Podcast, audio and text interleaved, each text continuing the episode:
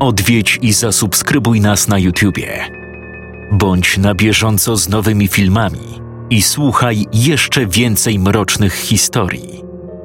Mystery TV Więcej niż strach.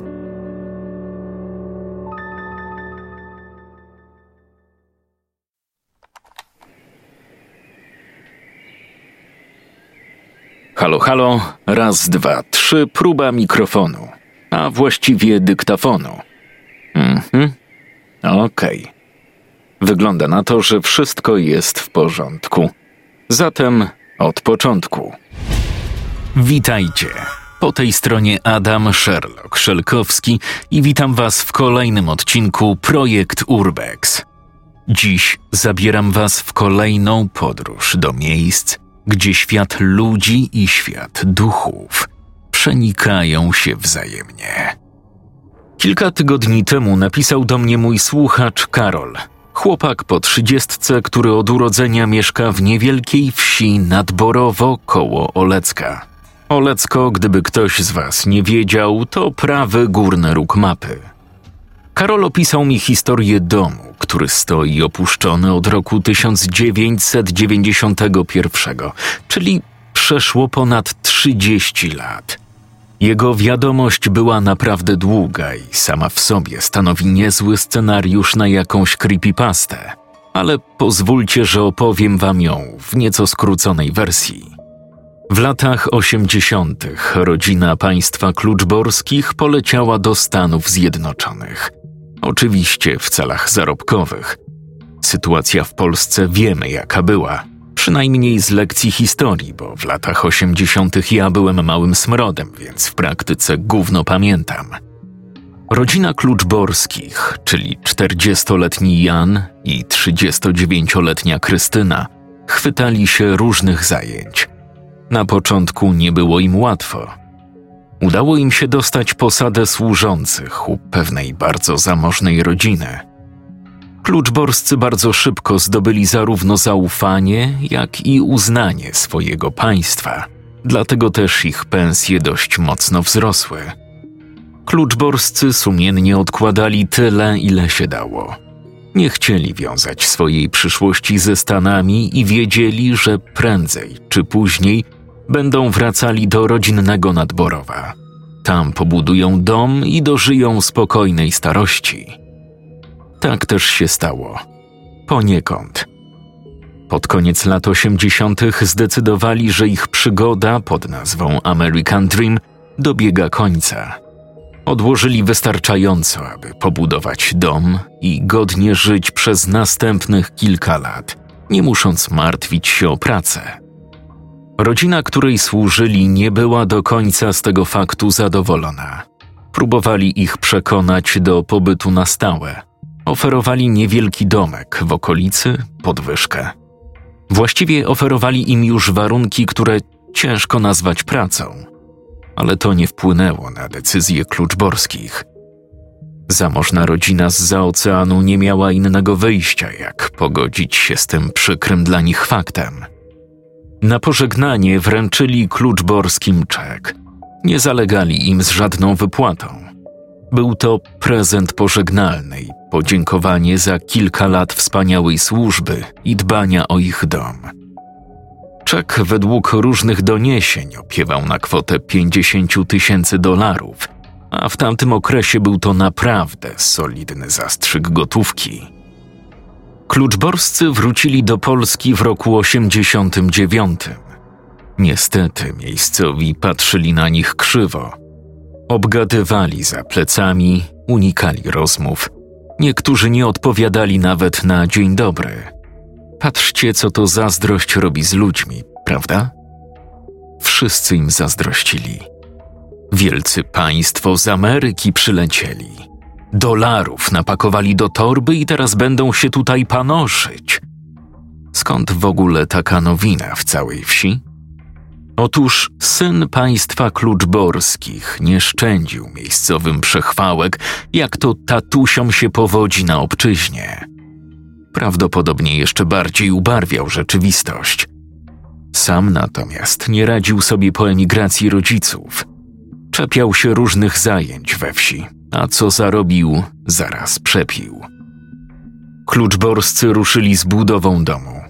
Nie chcieli stawiać wielkiej willi, która jeszcze bardziej kłułaby w oczy sąsiadów.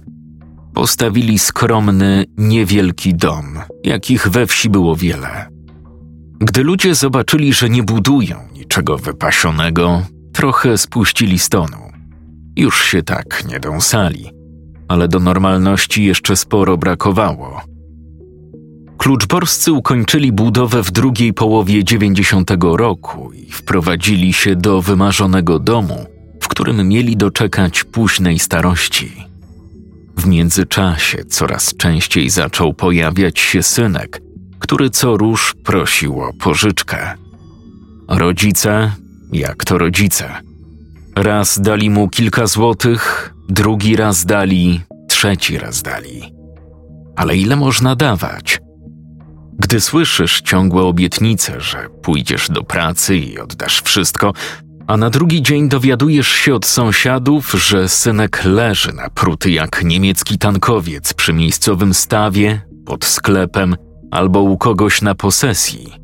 W końcu masz dość. Zakręcili mu kurek z dolarami. To niestety nie skończyło się dla nich dobrze. Pewnej nocy syn Kluczborskich wszedł na podwórko i zaczął dobijać się do drzwi. Oczywiście ojciec z matką nie chcieli go wpuścić. Wiedzieli, że jest pijany. On jednak zaczął płakać. Przepraszał ich. Obiecywał, że to już się więcej nie powtórzy. Ostatecznie zaczął im grozić, że jak go nie wpuszczą, to ze sobą skończy. Najprawdopodobniej za namową małżonki pan Kluczborski wpuścił syna do domu. Ten, uzbrojony w nóż, od razu doskoczył do ojca, dźgając go raz po raz, bez opamiętania. Policja naliczyła chyba ze dwadzieścia ran kłutych. Matka, wrzeszcząc w niebogłosy, rzuciła się do ucieczki. Gdy syn zorientował się, że ojciec już nie żyje, a matka za chwilę mu ucieknie, ruszył za nią w pogoń.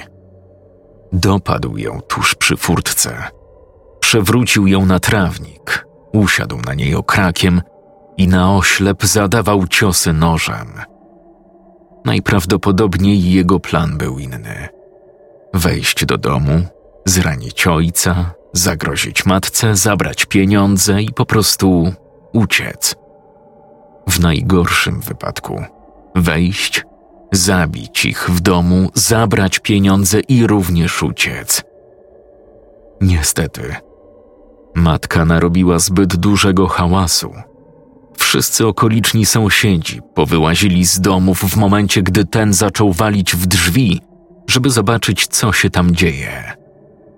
Ktoś wezwał policję, bo gdy tylko syn wrócił do domu, zapewne po to, by poszukać pieniędzy, z oddali słychać było nadciągające syreny.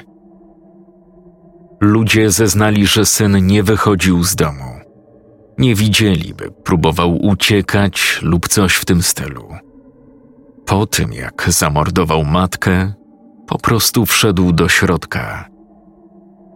Gdy policja dotarła na miejsce, okazało się, że synalek podciął sobie gardło. Wykrwawił się tuż obok ciała ojca.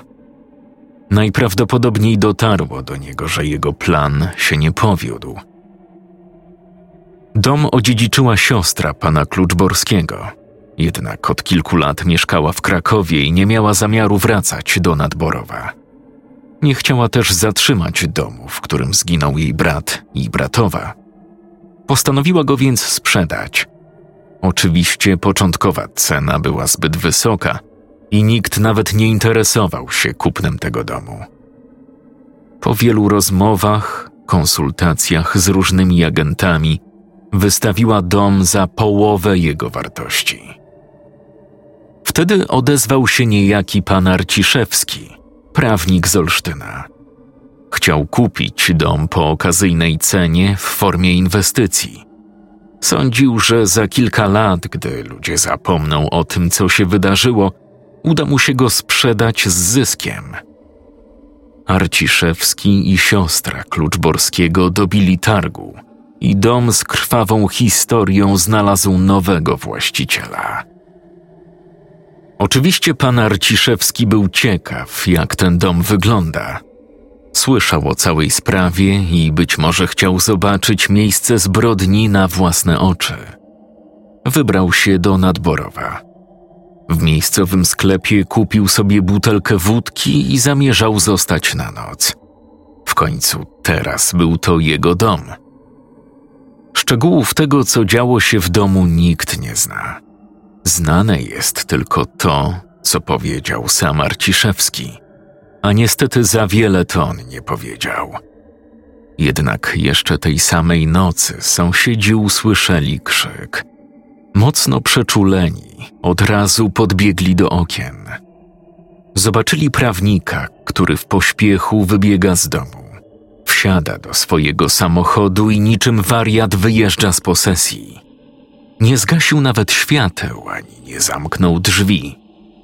Po prostu wybiegł z domu, wsiadł do auta i uciekł. W nadborowie nikt go więcej nie zobaczył. Kilka dni później na posesji pojawiła się tabliczka na sprzedaż. Arciszewski wystawił dom za jeszcze mniejszą kwotę niż sam go kupił. To sugeruje, że naprawdę zależało mu na tym, aby ten dom sprzedać jak najszybciej. Kupiec niestety nie chciał się znaleźć. Dom, w którym życie straciły trzy osoby, który niedawno trafił w ręce nowego właściciela i który to właściciel chce go nagle sprzedać za bezcen. Mało kto wierzył, że jest to po prostu tylko dobra okazja. W międzyczasie okazało się, że pan Arciszewski zaczął chodzić na terapię do psychologa. Przypomnę tylko, że większość informacji była poufna, a mimo to cała wieś o tym huczała na lewo i prawo. Więc ten pan Arciszewski zaczął odwiedzać psychologa albo psychiatrę, różne są wersje. Jego sesje z terapeutą dotyczyły właśnie domu w Nadborowie – i jego krótkiego pobytu w tym miejscu. Psycholog powiedział koledze, kolega innemu koledze, ten jeszcze następnemu i nagle od słowa do słowa coraz więcej osób poznało tematykę wizyt. Arciszewski miał powiedzieć, że tego dnia zobaczył w tym domu duchy. Przyznał, że otworzył butelkę wódki i wypił trzy, może cztery szklaneczki. Nie opróżnił jednak całej butelki i twierdzi, że nie był w ogóle pijany. W każdym razie, siedząc sobie przy kuchennym stole, nagle usłyszał stłumiony dźwięk za swoimi plecami. Od razu go to zaniepokoiło. Wiedział, że w domu jest całkowicie sam, a dźwięk był tak wyraźny, jakby ktoś dosłownie stanął kilka kroków za nim – Arciszewski obrócił się w kierunku źródła dźwięku. Wtedy zobaczył mężczyznę z brodą, który po prostu stał przy ścianie. Opis pasował do Kluczborskiego. Facet zamarł. Nie był w stanie wykonać żadnego ruchu. Wtedy poczuł na swojej dłoni lodowaty wręcz uścisk – gdy odwrócił głowę, aby spojrzeć na swoją dłoń, przed oczami zobaczył wyszczerzoną twarz młodego Kluczborskiego. Wtedy, bez chwili zastanowienia, zerwał się na równe nogi i wybiegł przerażony z domu. Wrzeszcząc, podbiegł do auta. Wsiadł do niego i nie zważając na to, że wypił pół butelki wódki, po prostu stamtąd odjechał – Psycholog próbował mu to jakoś wytłumaczyć. Dodać dwa do dwóch. Miejsce zbrodni, historia morderstwa, którą żyła nie tylko wieś, ale niemal cała Warmia i Mazury. Do tego alkohol i jego umysł wygenerował takie, a nie inne obrazy. Arciszewski twierdził jednak, że to nie były omamy. Był przekonany, że duchy ojca i syna, które zobaczył, były jak najbardziej realne. Dostał leki, jakieś psychotropy i antydepresanty. Niestety, z biegiem czasu, z upływem tygodni stan Arciszewskiego tylko się pogarszał. Twierdził, że duchy nawiedzają go we śnie. Słyszy ich głosy w głowie. Duchy kazały mu sprzedać ten dom. Podobno obiecały, że gdy tylko go sprzeda, wtedy dadzą mu spokój. Arciszewski ponownie wystawił dom. Tym razem za obecną złotówkę. Dosłownie za wartość jednej złotówki. Za równowartość jednej paczki chipsów można było stać się posiadaczem prawie nowego domu. 150 metrów kwadratowych, działka dziesięciarów. I wiecie co? Nie było ani jednego chętnego. O historii kluczborskich, a teraz także Arciszewskiego wiedziała cała wieś. Wiedział też każdy, kto zainteresował się domem. Nikt już nie wierzył w to, że ktokolwiek zdecyduje się na jego zakup. Niestety, tak też się stało. Arciszewski popadał w coraz większy obłęd. Podobno chciał oddać dom za darmo, a jeszcze inne źródło donosi, że oferował nawet dopłatę temu, kto zechce ten dom w cudzysłowie kupić. Ale nawet to nie skłoniło nikogo. Pewnego dnia Arciszewski popełnił samobójstwo. Wszedł do jednego z wieżowców, wjechał windą na samą górę, zapukał do czyjegoś mieszkania i podał się za pracownika spółdzielni. Chciał podobno sprawdzić mocowania barierek na balkonie. Kobieta wpuściła go do środka. Arciszewski przeszedł przez barierkę i po prostu skoczył z dziesiątego piętra. Od 1991 roku dom stoi pusty. Formalnie należy bodajże do siostry Arciszewskiego, lecz ta od razu powiedziała, że nie chce mieć z tym miejscem nic wspólnego. Tymczasem jestem w miejscowości Nadborowo. Dotarłem tu dzisiejszego poranka. Pokręciłem się trochę po okolicy – Chciałem porozmawiać z mieszkańcami na temat tego domu, ale niestety większość kręciła głową, machała ręką lub komentowała w stylu: Panie, tu nie ma o czym gadać. W końcu trafiłem do samego domu. Z zewnątrz nie wygląda wcale najgorzej. Słysząc hasło opuszczony od ponad 30 lat, spodziewałem się całkowitej rudery zabitej dechami. Tymczasem ten dom zbyt wiele nie różnił się od tych z nim sąsiadujących. Brudne, szare okna, zarośnięta i zapuszczona działka i ogrodzenie, z którego odchodziła już farba. Tylko to wskazywało jasno, że nikt tutaj nie mieszka. Ciekawiło mnie, jak ten dom wygląda w środku. Czy w ogóle jest otwarty i można do niego wejść? Czy znajdują się tam jakieś elementy wyposażenia?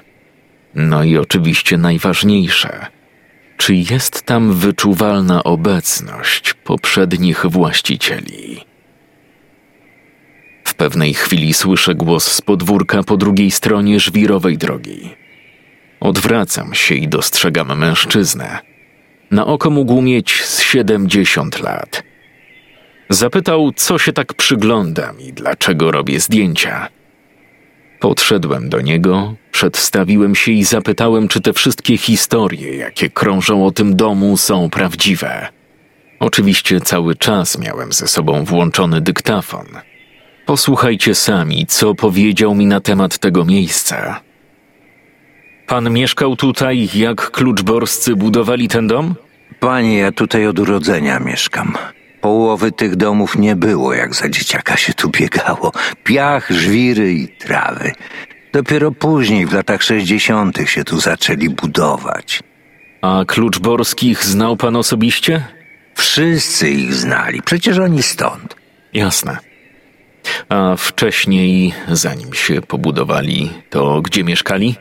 Ano tam, bliżej stawów, tam taka chałupina stała, chyba jego ojców, ale potem jakoś to wyburzenie poszło czy coś. Oni do tej Ameryki polecieli, żeby na nową chałupę zarobić. No i zarobili. Ludziom tutaj w wiosce mocno przeszkadzało, że się budują? Ano przeszkadzało. Wie pan jak to jest. Bogactwo kłuje ludzi w oczy, a wtedy wiadomo jakie były czasy. Bieda aż piszczało. A oni wrócili tu z tej Ameryki jak jacy królowie. Czyli tak bardzo obnosili się ze swoimi pieniędzmi? Obnosić nie obnosili, wręcz przeciwnie. Nie chcieli o tym gadać, ale ludzie swoje oczywiście wiedzieli. Jedni gadali, że przylecieli z milionem, a drudzy, że z pięcioma. Kluczborski najął architekta, żeby mu ten dom narysował. Sam pan zresztą widzisz, że trochę wyróżnia się od pozostałych, prawda? O, odrobinkę. No właśnie. Teraz tu ludziska też sobie już te chałupy poremontowali, więc tak się to nie rzuca w oczy, ale wtedy część jeszcze drewniana, część samych cegieł, a tu nagle coś nowego. Kuli ludzi po oczach tym wszystkim, ale ja tam wiem, że nie robili tego z jakiejś chęci pokazania się. Po prostu zarobili i chcieli sobie poukładać to wszystko. No tak, ludzie nie lubią, jak innym się powodzi. To taka nasza narodowa cecha. Dopóki masz gorzej lub tak samo, to jest dobrze. Ale jak tylko masz odrobinę lepiej, to jesteś ten zły. Zazdrość, panie. Nic nowego. Tak było, jest i będzie.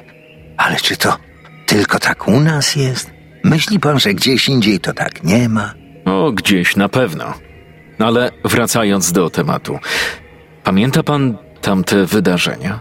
Ten konkretny dzień, w którym. No, wie pan. Pozabijał ich. Ta, pamiętam. Kluczborski był ode mnie tylko trzy lata starszy. Ja z nim dużo gadałem, zanim polecieli do tej Ameryki i później, jak już wrócili. On wiedział, że ta budowa i ten powrót to nie był do końca dobry pomysł. W sensie powrót tutaj, do wsi. Mówił, że wolałby gdzieś indziej, w jakimś nowym miejscu, Suwałki, Olsztyn, może Białystok. Wiedział, że tu ludzie będą zawistni i będą gadać, ale cóż. A ten ich syn, gdzie mieszkał przez ten cały czas, kiedy oni byli w Stanach? A cholera go wie. To był pijak i narkoman. Łaził czasami po wsi, mordę wydzierał w dzień albo po nocach, kopał w ogrodzenia, płoty ludzi zaczepiał, żeby mu pieniądze dali na flaszkę. Ale gdzie on mieszkał? Nie mam pojęcia. Nie bywał tutaj zbyt często. Właściwie tak regularnie to zaczął się pojawiać po ich powrocie. Usłyszał, że rodzice przylecieli napakowani dolarami, to wrócił. Ale oni trzymali go krótko. Wiedzieli, że tylko po pieniądze przyłaził. Trochę mu dali, wiadomo, jednak to syn. Dali raz, dali drugi, może trzeci, ale w końcu przestali. Kluczborski miał nadzieję, że syn Alek się otrząśnie, że może zechce doprowadzić się do porządku, ale nie. Gorzała wygrała. I w końcu powiedzieli dość. Pamiętam, że obudziłem się wtedy w nocy za potrzebą. Zresztą to nie była jakaś strasznie późna noc, może pierwsza. Wstałem i usłyszałem krzyki. Od razu jakoś instynktownie przeczuwałem, że tu u Kluczborskich musi się coś dziać. Tu spokojnie było, a tylko jak ten synalek się pojawiał, to awantury były. Podszedłem do okna. Światła się u nich paliły, a ten ich pożal się Boże syn stał i walił w drzwi jak opętany. Wrzeszczał coś, ale nie słyszałem co dokładnie. Wie pan, nie stałem i nie przyglądałem się cały czas, bo rano trzeba było wstać, a takie sceny obywały często. Wróciłem do łóżka, ale nie mogłem zasnąć. Gdy usłyszałem wrzaski kluczborskiej, zerwałem się na równe nogi. Takiego krzyku to ja jeszcze u nich nie słyszałem. Podbiegłem do okna. Widziałem tylko, jak ten synalek podnosi się z ziemi i wraca do tego domu. Ja myślałem, że może on się przewrócił albo co, Nie wiedziałem, że ona tam w ogóle była, że on ją tam mordował na tym trawniku. Ktoś z sąsiadów już wcześniej musiał wezwać policję, bo słychać było syreny. A potem dowiedziałem się, że tam była taka tragedia. To fakt. Od samej pana opowieści dostałem gęsiej skórki. A ten Arciszewski? Ten, co kupił ten dom po Kluczborskich. O nim to ja nic nie wiem, poza tym, że był tutaj tylko raz. Wybiegł z domu jak oblany wrzątkiem. Zostawił to wszystko otwarte i więcej się już nie pojawił. Ludzie mówią, że podobno ten dom jest nawiedzony. Mówić to różne rzeczy się mówi. A pan nie doświadczył czegoś dziwnego? Nic się tu później nie działo? Niczego pan nie widział albo nie słyszał, jakichś, nie wiem, dziwnych dźwięków, krzyków. Niech pan przestanie grzebać w takich sprawach. Po co to panu? Nikomu pan życia nie wrócisz. Dom stoi pusty od 30 lat. Nikt go nie chce, nikt tam nie chodzi, nie zagląda. Po prostu tak jest i tyle. Ale nie dziwi to pana, że nikt nie chce takiego domu nawet za darmo? Może jednak jest jakieś ziarenko prawdy w tym. Powiedziałem, co miałem powiedzieć. O reszcie nie będę się wypowiadał, bo nie ma po co. Później z człowieka tylko wariata robią. Czyli jednak. Żegnam pana. Nic więcej nie powiem. Skinąłem głową i podziękowałem za poświęcony czas. Odwróciłem się i powolnym krokiem ruszyłem w kierunku owianego złą sławą domu. Starałem się nie rzucać w oczy sąsiadowi, który nie ruszył się ze swojego miejsca. Nie miałem pewności, czy nie zechce nasłać na mnie policji za wchodzenie na cudzy teren. Zboczyłem nieco z drogi.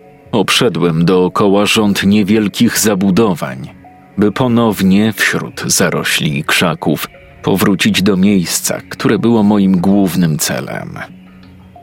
Tak jak wspomniałem wam wcześniej, budynek nie wygląda jak typowy opuszczony dom rodem z horroru. Jest zaniedbany, jest zarośnięty. Jakieś okno zostało wybite, ale ogólny stan jest całkiem przyzwoity, naprawdę. Gdybym nie znał całej tej historii, powiedziałbym, że ten dom został opuszczony maksymalnie kilka lat temu. Po wejściu na podwórko zacząłem rozglądać się w poszukiwaniu miejsca, w którym potencjalnie mogła zostać zamordowana pani Krystyna Kluczborska. Niestety nie wiem, gdzie dokładnie do tego doszło. Z opowieści wynika, że pani Krystyna wybiegła z domu, najprawdopodobniej chcąc znaleźć bezpieczne schronienie u sąsiadów i ewentualnie wezwać policję. Z głównego wejścia na pewno biegła w kierunku furtki, ale czy do niej dobiegła? I tam dopadł ją syn, a może też udało mu się chwycić ją wcześniej? Czy zamordował ją po lewej stronie trawnika, czy po prawej od kostki prowadzącej do drzwi wejściowych? Nie mam bladego pojęcia. Nie mam też dostępu do żadnych zdjęć z miejsca zbrodni. Pozostaje jedynie wyobraźnia i przypuszczenia. W tej chwili trawa jest ogromna. Naprawdę sięga mi niemal do ramion. Tworzy to istny labirynt, a w zasadzie tunel wzdłuż ścieżki prowadzącej do głównych drzwi. Wyciągam aparat i wykonuję kilka fotek.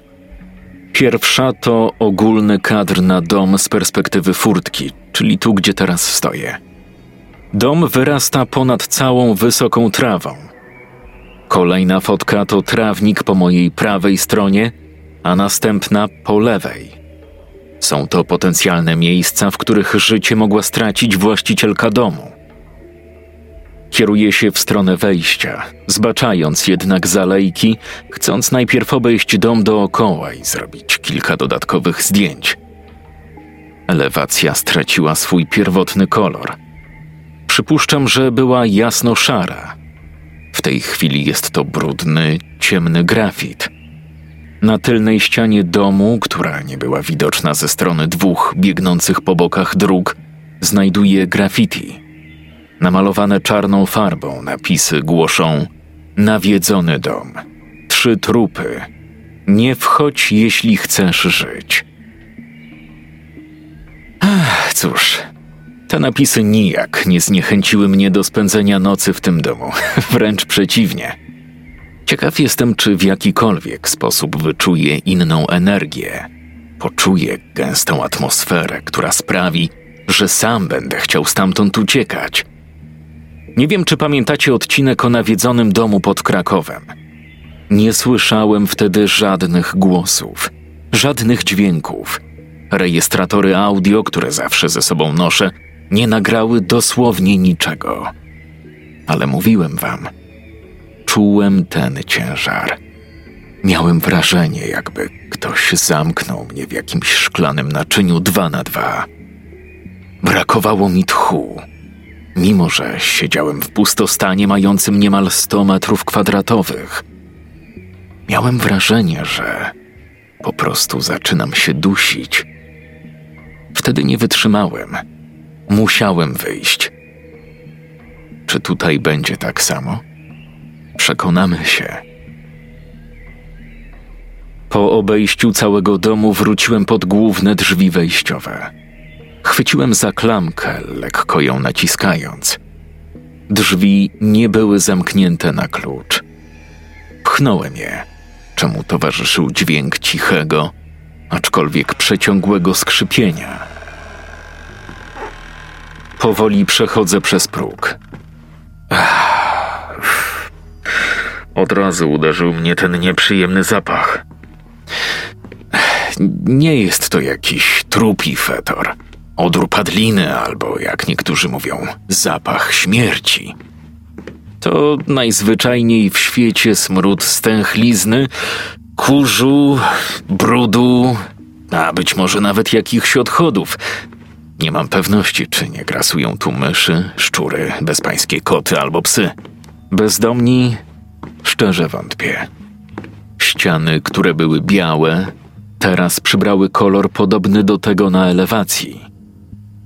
W głównym holu, który prowadził do poszczególnych pokoi na parterze oraz kuchni, leży wyblakły, przeżarty dywan w różne pstrokate wzorki. Pomieszczenie po mojej lewej musiało być głównym salonem. Jest całkiem duże. Niestety, Próżno szukać tu jakiegokolwiek wyposażenia. Wszystkie meble, żyrandol, inkiety, wszystko zostało najprawdopodobniej zrabowane. Czy powinno mnie to dziwić? Skoro ludzie potrafią okradać groby, to obrabowanie domu po śmierci właścicieli naprawdę nie robi specjalnego wrażenia. Poza tym szczerze wątpię, aby przedmioty, które należały do kluczborskich, w jakikolwiek sposób mogły być nawiedzone. Jeżeli cokolwiek jest tutaj nawiedzone, to tylko i wyłącznie ten budynek. To tutaj stracili życie. To tu zostali zamordowani przez własnego syna, który finalnie również odebrał sobie tu życie. Zatem jeśli ich dusze miały pozostać po tej stronie, to tylko w tym miejscu. Przechodzę do kolejnego pomieszczenia. Jest to niewielki pokój, a właściwie był, bo teraz to są raptem gołe ściany i nic więcej. Ciężko mi ocenić, co tutaj mogło być. Może pokój syna? Pokój gościnny? Nie wiem tylko, czy metraż nie jest za mały jak na gościnne. Wychodzę i kieruję się w stronę kuchni. Znajduję tu jedno stare, drewniane krzesło, a także dwie wiszące na ścianie szafki. Jest też zlewozmywak i stojące obok niego dwa metalowe kubki. Czyli jak widać, nie wszystko udało się zabrać. Chociaż dziwi mnie, dlaczego ktoś postanowił zabrać trzy wiszące szafki, a dwie obok pozostawił. Jak brać, to raczej cały komplet. Chyba, że tę radosną kradzież coś przerwało. W kuchni nie znajduję niczego więcej. Przechodzę do ostatniego pomieszczenia na tym poziomie, które znajduje się vis-a-vis kuchni. Te drzwi również skrzypią, co poniekąd nie robi już na mnie żadnego wrażenia. W końcu całość stoi nieużywana od 30 lat. Tym sposobem znalazłem się w łazience. W rogu dostrzegam stłuczoną muszlę klozetową, obok której stoi zamocowana na niewielkiej szafeczce umywalka. Szafka jest już dość spuchnięta i popękana, zapewne od wody. Jest tu również lustro, całe zamglone i ubrudzone. Nie zamierzam się w nim przeglądać. Znalazło się tu również miejsce na kabinę prysznicową, która miała plastikowe osłony, lecz te są całe połamane i potłuczone, jakby ktoś specjalnie chciał to po prostu zdemolować. Niesamowite, że niektórym ludziom frajdę sprawia rozwalenie czegoś dla samego rozwalenia. Od tak, bo po co ma sobie stać? No cóż, widocznie prymitywne instynkty nadal są mocno zakorzenione. w łazience jest też niewielkie okienko.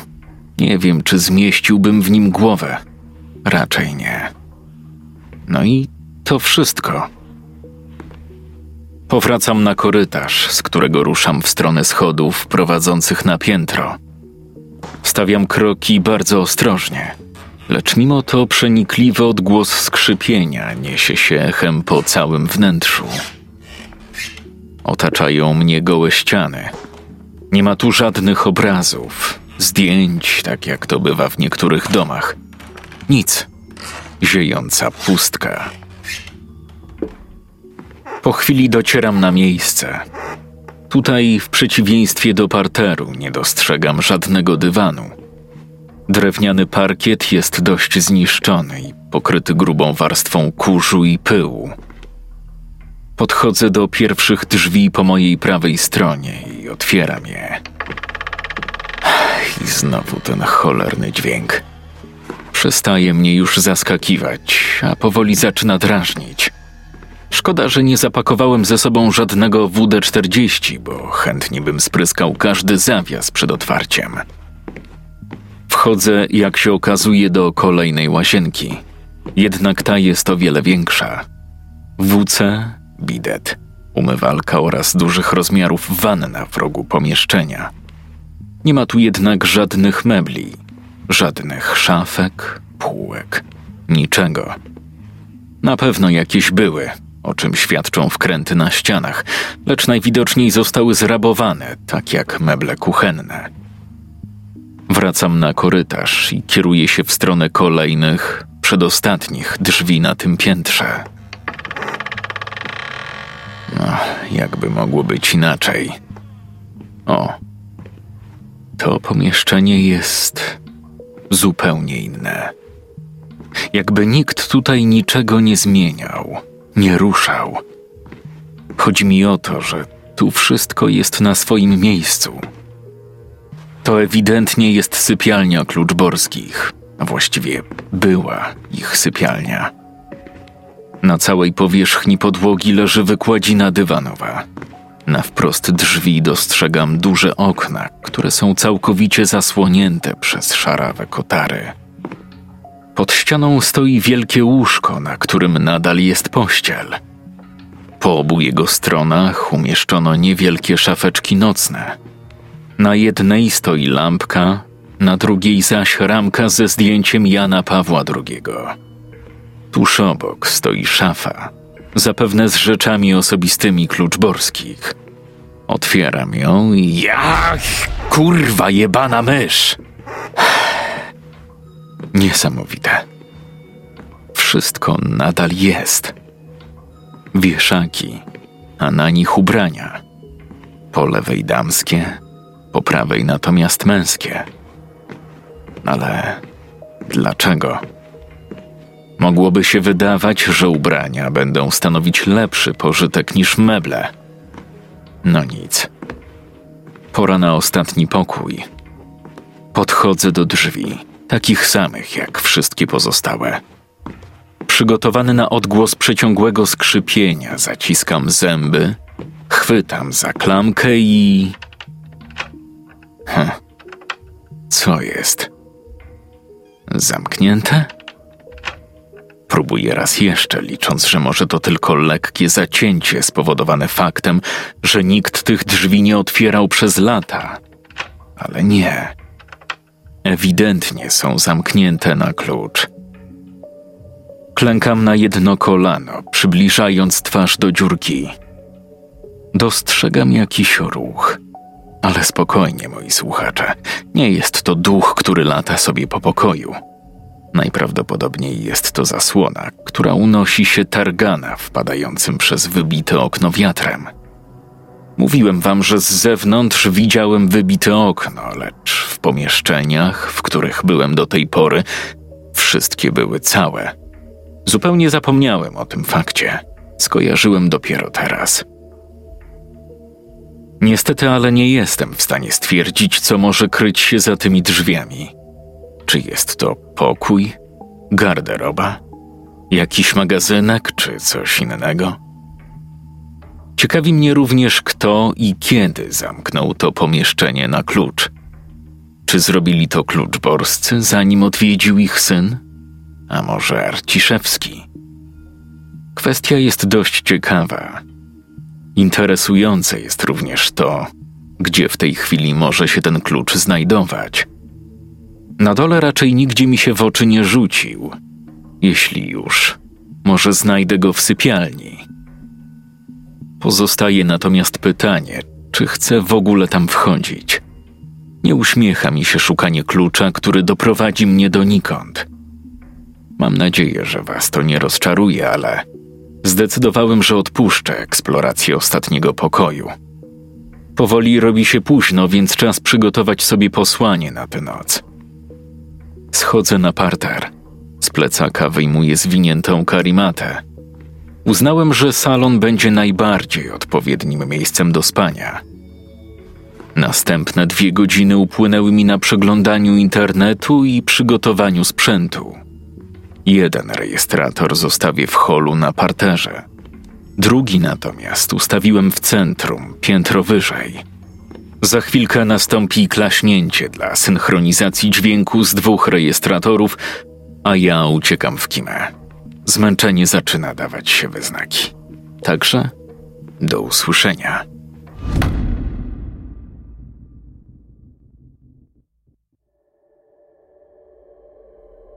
Najpierw dotarł do mnie dźwięk. Delikatne syczenie. Nie wiem dokładnie co to, lecz dźwięk był na tyle wyraźny, że sprowadził mnie do rzeczywistości. Otworzyłem oczy. Dookoła panowała totalna ciemność, co od razu lekko mnie zaniepokoiło. Zawsze mam ze sobą lampkę LEDową na baterię, która wytrzymywała całe noce, a baterie oczywiście były nowe. Ręką próbowałem ją odnaleźć. Znalazłem. Zapaliłem ją i zastygłem w bezruchu. Na wprost mnie, tuż przy samej ścianie, ujrzałem trzy sylwetki. Po lewej stronie mężczyzna w średnim wieku z kosią brudką. Obok niego kobieta w długiej spódnicy i włosami do ramion. Po prawej chłopak, na oko dwudziestoletni Wszyscy stali ze złożonymi z przodu rękami, jakby czuwali nad czyimś grobem. Mieli ponure miny, które od razu przywołują na myśl tragedię. Nie krzyknąłem. Nie zacząłem wrzeszczeć jak opętany. Sięgnąłem po lampkę i zerwałem się z miejsca, lecz gdy tylko obróciłem głowę, już ich nie było. Zostałem sam pośpiechu zwinąłem karimatę i koc do plecaka. Wybiegłem na korytarz i chwyciłem rejestrator. Wiedziałem, że muszę iść na górę po drugi dyktafon. Bałem się. Bałem się jak cholera, ale nie miałem wyjścia. Wielkimi krokami dosłownie wbiegałem po kilka stopni na raz. Gdy tylko dotarłem na piętro, Ponownie stanąłem jak wryty. Drzwi na końcu korytarza, te, które wcześniej były zamknięte na klucz, teraz były szeroko otwarte. Nie, Naprawdę nie miałem tyle odwagi, by tam wchodzić. Powolnym krokiem podszedłem do miejsca, w którym zostawiłem dyktafon. Chwyciłem go, a następnie niczym oparzony zbiegłem po schodach i rzuciłem się do głównych drzwi. Gdy tylko znalazłem się na podwórku, uderzył mnie chłód, a jednocześnie dziwny spokój. Naprawdę. Nie wiem, czy jesteście w stanie zrozumieć to uczucie, ale będąc tam, miałem wrażenie, jakbym tkwił w grobowcu. Uświadomiłem to sobie dopiero tam, na zewnątrz. Wróciłem do domu cały i zdrowy, co zresztą słyszycie. Wieczorem zgrałem materiał z kart SD i wrzuciłem do programu. Tam mogłem dosłownie zobaczyć ścieżki dźwiękowe. Zawsze tak robię. Nie muszę słuchać całości, lecz jedynie fragmentów, które graficznie się wybijają na tle całości. Wtedy wiem, że w tych momentach coś się nagrało. Gdy odsłuchiwałem tych nagrań, dreszcz niejednokrotnie przechodził mi po karku. Wybrałem kilka najciekawszych dźwięków, które nagrały się podczas gdy ja smacznie sobie spałem. Posłuchajcie.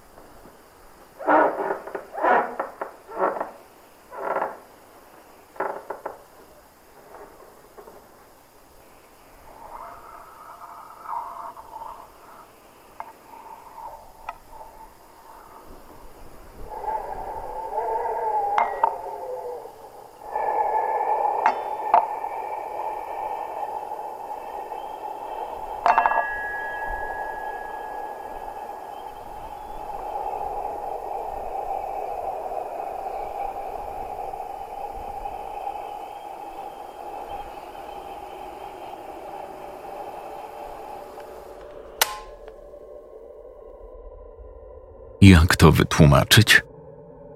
Najpierw był dźwięk klucza i otwieranych drzwi. Nie słychać kroków, a jedynie ciche syczenie, jakby ulatniający się gaz. Dopiero na schodach słychać lekkie, pojedyncze skrzypnięcia, ale nie wywołują ich kroki, bo przecież duchy nie chodzą.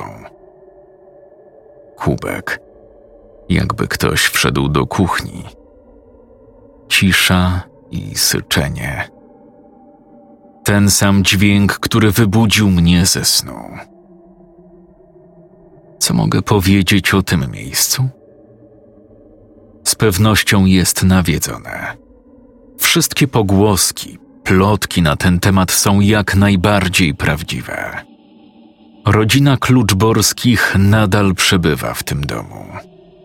Widziałem ich na własne oczy. Czy są to złe duchy? Ciężko mi powiedzieć. Wiem natomiast, że z duchami raczej się nie przyjaźnimy. Aha, i na koniec jeszcze taka prośba. Nie wybierajcie się na wycieczki do Nadborowa. Nie szukajcie tego domu. Tak jak powiedział sąsiad, z którym zamieniłem kilka zdań – lepiej zostawić to w spokoju.